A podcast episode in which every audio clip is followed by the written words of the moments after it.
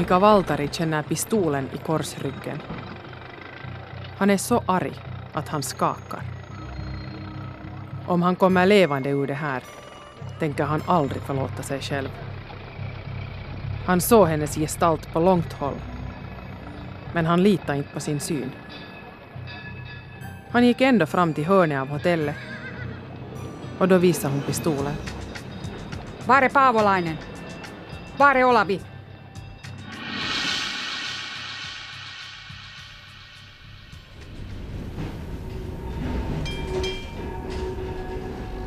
Nyinflyttad i Helsingfors är Minna Kraucher redo att frottera sig med landets celebriteter. Minna vankar oroligt framför brevinkastet. Men inbjudningarna från den innersta kretsen till de finaste festerna kommer aldrig. Och det är så Minna Kraucher kommer att starta sin litterära salong. Hon bestämmer sig för att bjuda folk hem till sig istället. Trots att det ibland spekuleras om huruvida hon själv lärt sig läsa ordentligt eller inte. Gatusmart är hon definitivt. Men intellektuell? Nej, inte alls.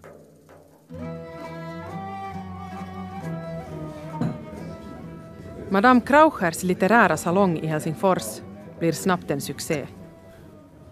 Eftersom Minna ofta flyttar istället för att betala hyra kommer salongen att ha olika adresser. Men konceptet är alltid detsamma. Det sägs att det är i salongen och under Minnas ledning man bestämmer vilka böcker som blir framgångsrika och vilka som ska tigas ihjäl. Mika Valtari är den som kommer att bli den mest namnstarka av salongens besökare. Men när Valtari träffar Kraucher för första gången är han fortfarande en ung man med bristande omdöme. Många låter sig duperas, speciellt unga konstnärer som är så upptagna av sig själva att de inte har tid att syna sanningshalten hos en dam som Madame Kraucher. Den största enskilda orsaken till att Krauchers salong blir viktig är förbudslagen. Förbudslagen som träder i kraft i juni 1919 visar sig snabbt vara misslyckad eftersom folk gärna sätter både energi och tid på att smuggla sprit. Plötsligt är spriten ännu mera åtråvärd. Alla vill dricka.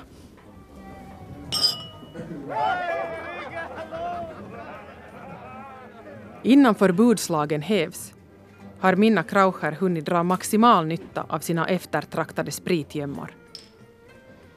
Det sägs att Minna själv oftast håller sig nykter. Men noga se till att gästerna berusar sig så mycket som möjligt.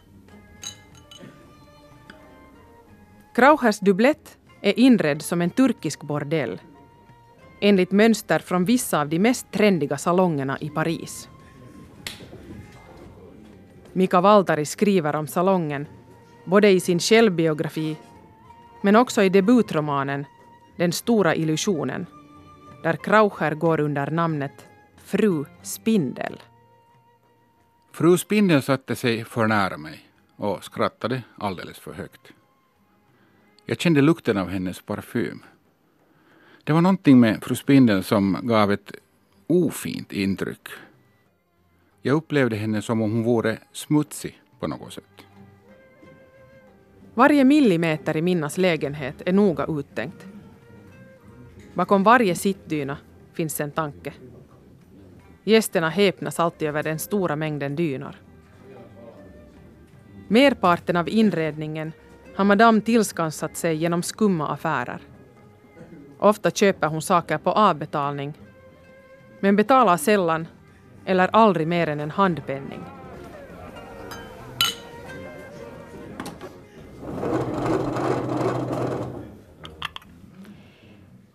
Täällä puhuu Madame Kraucher. Hyvää iltaa. Olisikohan kenraali Mannerheim kotosalla? Juu, juu, hakekaa ehdottomasti. Juu, n- niin. Gustav. No niin, juu ei vaan. Sitä, että Hattunen jäi tänne. Juu, juu täällä se on. Aha, no arvelinkin, että teillä on niitä aika monta. Juu. no niin, sitten. Ehkä söndaagi voisi olla se päivä. Aivan.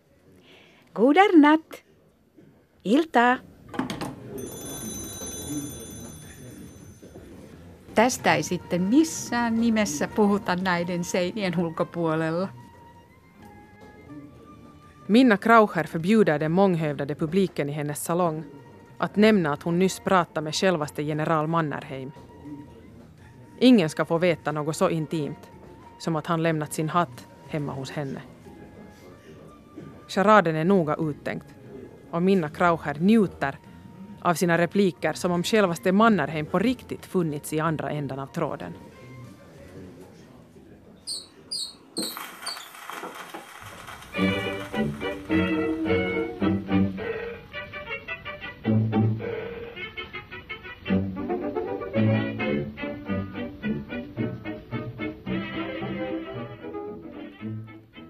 På en skänk i tamburen finns en skål med visitkort från viktiga män. Och högen skvallrar om att det här är en kvinna med kontakter. Men de viktigaste visitkorten, som general Mannerheims, har hon stulit från en annan skål på en annan fest. Framme ligger också ett vackert cigarettetui i silver. I etuiet finns texten med tacksamhet till fröken Minna Kraucher ingraverat. Följt av fyra distingerade herrars namnteckningar. Herrarna är dock inte själva medvetna om sin generösa gåva. Men allting ligger inte framme till allmän beskådan. I ett låst skåp finns det mängder av stöldgods, huller om buller. Det är allt från dyra tyger som hon stal som yngre till småplock som hon brukar samla på sig från lite finare ställen.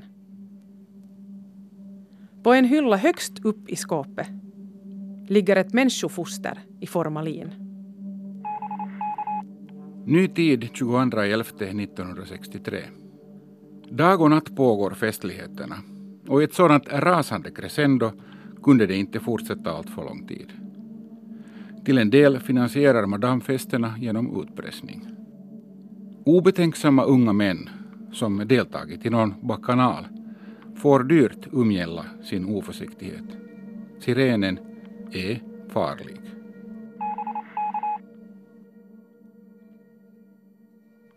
Mika Valtari skriver i Den stora illusionen om Madame Kraucher att hon har onormala böjelser och att hon själv gör allt för att sprida detta rykte eftersom det får henne att verka intressantare. Baltar är i början mycket fascinerad av Kraucher. Men han kommer efter ett tag att känna djup avsky för henne. Ja, Valtari kommer att avsky henne till den grad att han mördar henne. Skriftligt.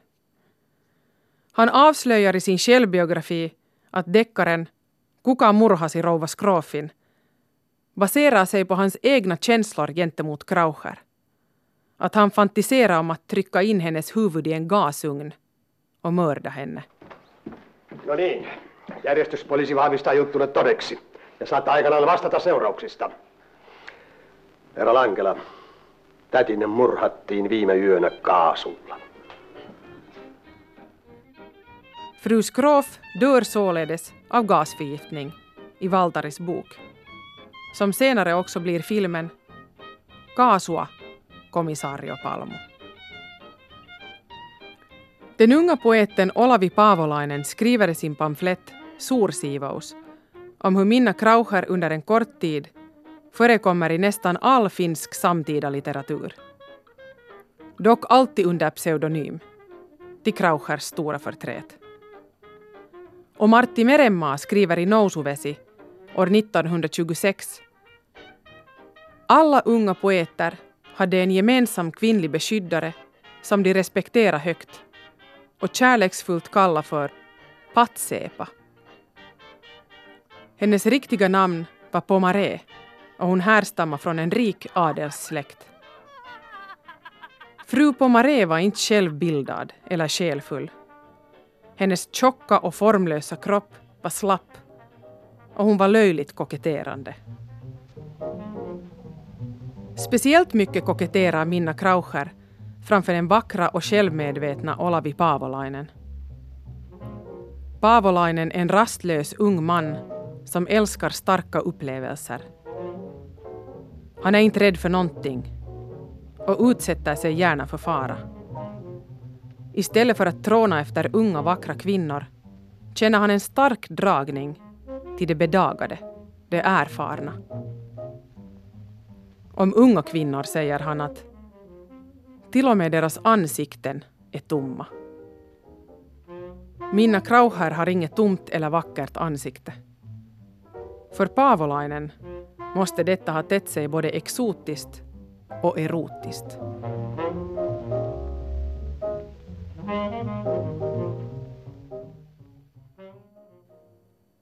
I en artikel i Ny Tid den 22 i 11 1963 skrivs det om Kraucher att hon kunde förföra vem som helst.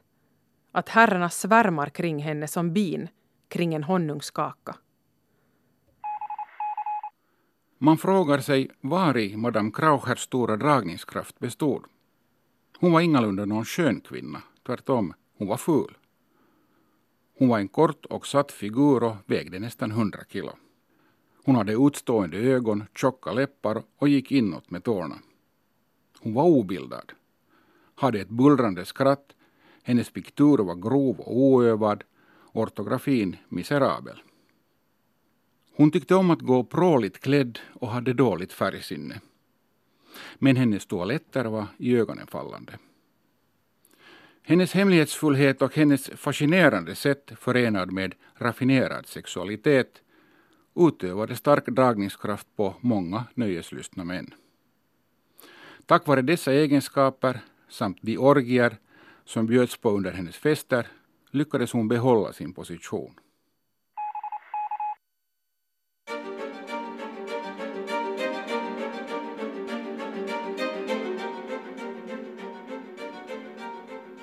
Minna Krauher älskar framgång. Hon älskar skönhet, pengar och allt som är svårt att få tag på. Allt som det rådde brist på när hon var barn. Den unga poeten Olavi Paavolainen symboliserar allt detta goda för Minna. Och Minna har tur. Olavi älskar nämligen kvinnor, åtminstone i korta stunder. Och han låter sig gärna förföras av Madame. Madame och den unga poeten tillbringar en del stunder i sängen, under sängen och bredvid sängen. Madame och den unga poeten hänger till och med från takkronan. Halvvägs ut genom fönstret och dessutom från dörrkarmen. Variationerna på de gymnastiska övningarna är många eftersom Madame har varit med förr. Den unga diktaren är fascinerad. Han är ute efter erfarenheter. För honom är allt material. Någonting att använda i kommande romaner. För Minna är Olavi också material. Hon behöver honom som ett kuttersmycke. Hon behöver skönhet utifrån eftersom hon själv inte har det inom sig. Hon tänker använda Olavi tills det inte finns någonting kvar av honom.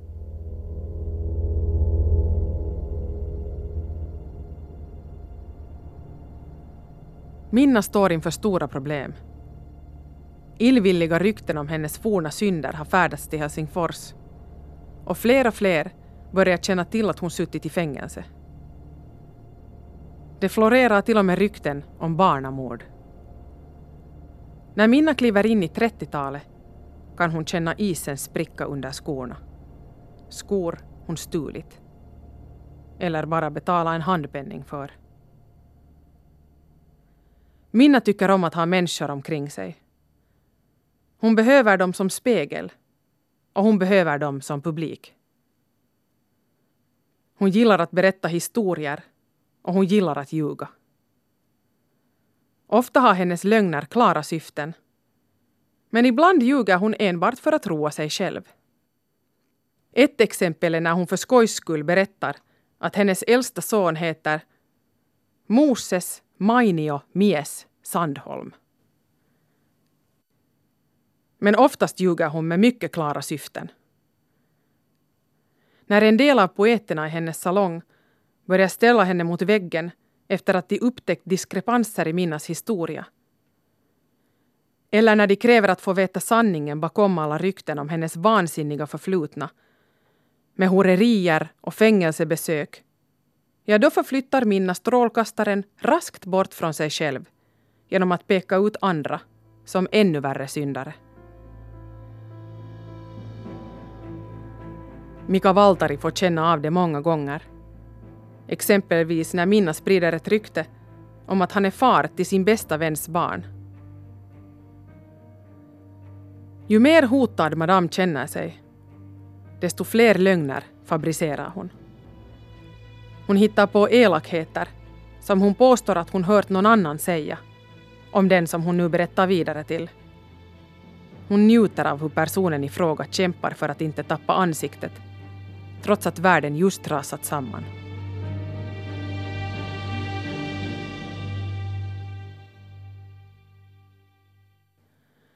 När Olavi Paavolainen börjar få nog av Minna och drar sig bort från hennes famn blir hon inte glad.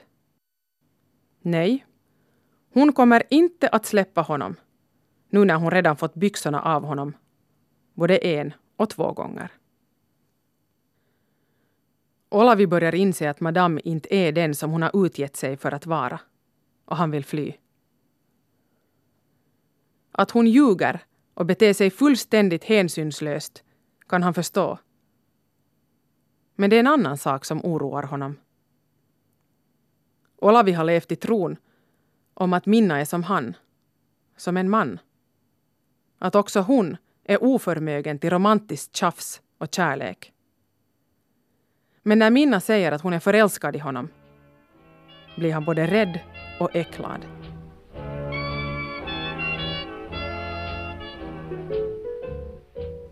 Mennään naimisiin, Olavi. Mennään nyt vaan. Meistä tulisi täydellinen pari. En tarvi enää muita miehiä. Tuu tänne syliin. Lopeta toi. Ällöttävää.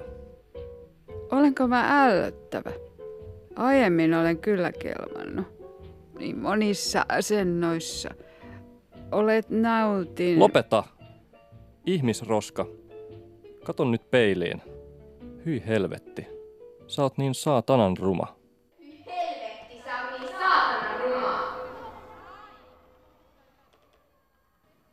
Olavis vassa ord skär rakt igenom alla år Minna lagt mellan sig och den Maria som hon var innan. Det känns plötsligt som om allt är förgäves. Och allt är Olavis fel. Hon ska förgöra honom. Och hon tänker aldrig ge upp.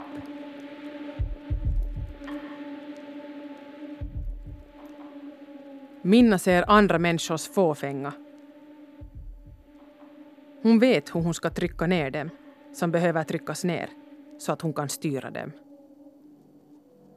Och hon vet vem som ska smickras och höjas till skyarna.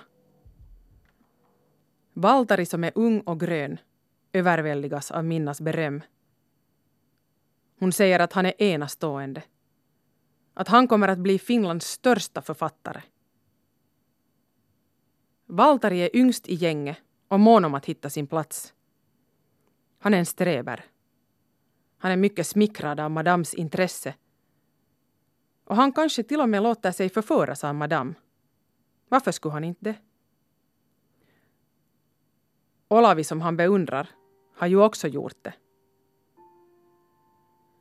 När Olavi Paavolainen lämnar Minna Kraucher använder hon Mika Valtari som sin informatör. Valtaris uppgift är att rapportera om vad Olavi sysslar med och var han rör sig. Det här äventyrar Valtaris och Paavolainens vänskap. Valtari och Paavolainen lyckas ändå försonas så mycket att de våren 1928 ger ut en diktbok tillsammans. När de i goda vänners lag firar att valtatiet kommer ut skickar Minna Kraucher en fin palm i en blomkruka till Olavi, som en vänlig gest. Med palmen följer en finurlig hälsning. Gräv i krukan så får du en tilläggspresent. Olavi gräver och inne i krukan hittar han ett aborterat foster. Krauher meddelar att det är Olavis barn. Olavi nekar. Men den glada feststämningen finns det inte ett spår av. Och Olavi uppskattar inte sin present. Han har fått nog och flyr till Paris. Det aborterade fostret hade redan varit ute på många färder innan det landar i Olavis blomkruka. Minna använder fostret i utpressningssyfte. Hon levererar det till sina älskare och påstår att fostret är ett resultat av deras, ofta utomäktenskapliga övningar. Om mannen inte betalar en större summa pengar till Minna ska hon med glädje förevisa fostret både för mannens fru och barn. Hur många gånger Minna använder sig av denna något okonventionella metod vet vi inte med säkerhet. Vi vet att Minna genomgick en abort år 1926 och man kan därför anta att fostret är hennes eget. Men fostret kan lika väl komma någon annanstans ifrån. Minna såg till att hon fick det hon behövde för sina olika, mycket varierande projekt.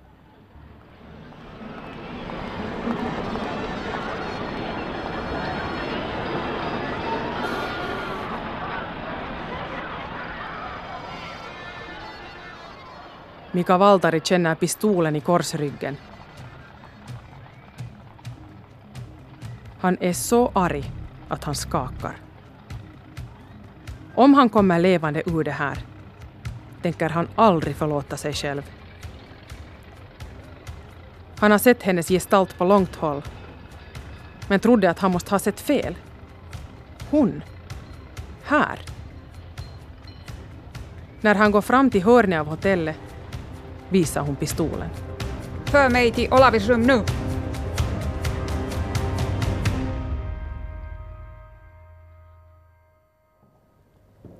Olavi Paavolainen är bakfull och rastlös på sitt lilla rum i Hotel Suédé i Paris. Han är också orolig. Hoten från Kraucher stör honom allt mer. Och han har till och med känt sig tvungen att meddela hotellägaren att inte släppa in henne. Han säger att Skene bedrar. Att hon verkar pålitlig och vänlig. Men hon är farlig. Och så knackar det på dörren. Olavi ropar. Vem där? Det är bara jag, svarar Mika. Olavi öppnar dörren och visst står Mika där. Olycklig och eländig och så väldigt liten bredvid Madame Kraucher som raskt stiger in i rummet och fyller det över bredden. Luften tar genast slut. Olavi andas ytligt och snabbt och han känner rädslan rusa i sin kropp. I ena handen håller Minna en flaska med syra. I den andra en pistol. Minna tränger in Paavolainen i ett hörn. Han känner med ens hennes söta lukt. En blandning av svett och upphetsning. Hon säger åt honom att han måste välja. Högra handen eller vänstra. Skönheten eller livet.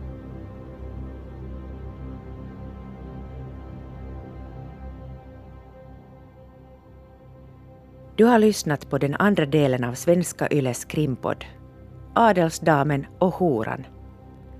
En podd i tre delar om Minna Kraucher. En berättelse om kärlek, hat och opportunism och en stark drivkraft att bli sedd. Det här är en podd från svenska YLE.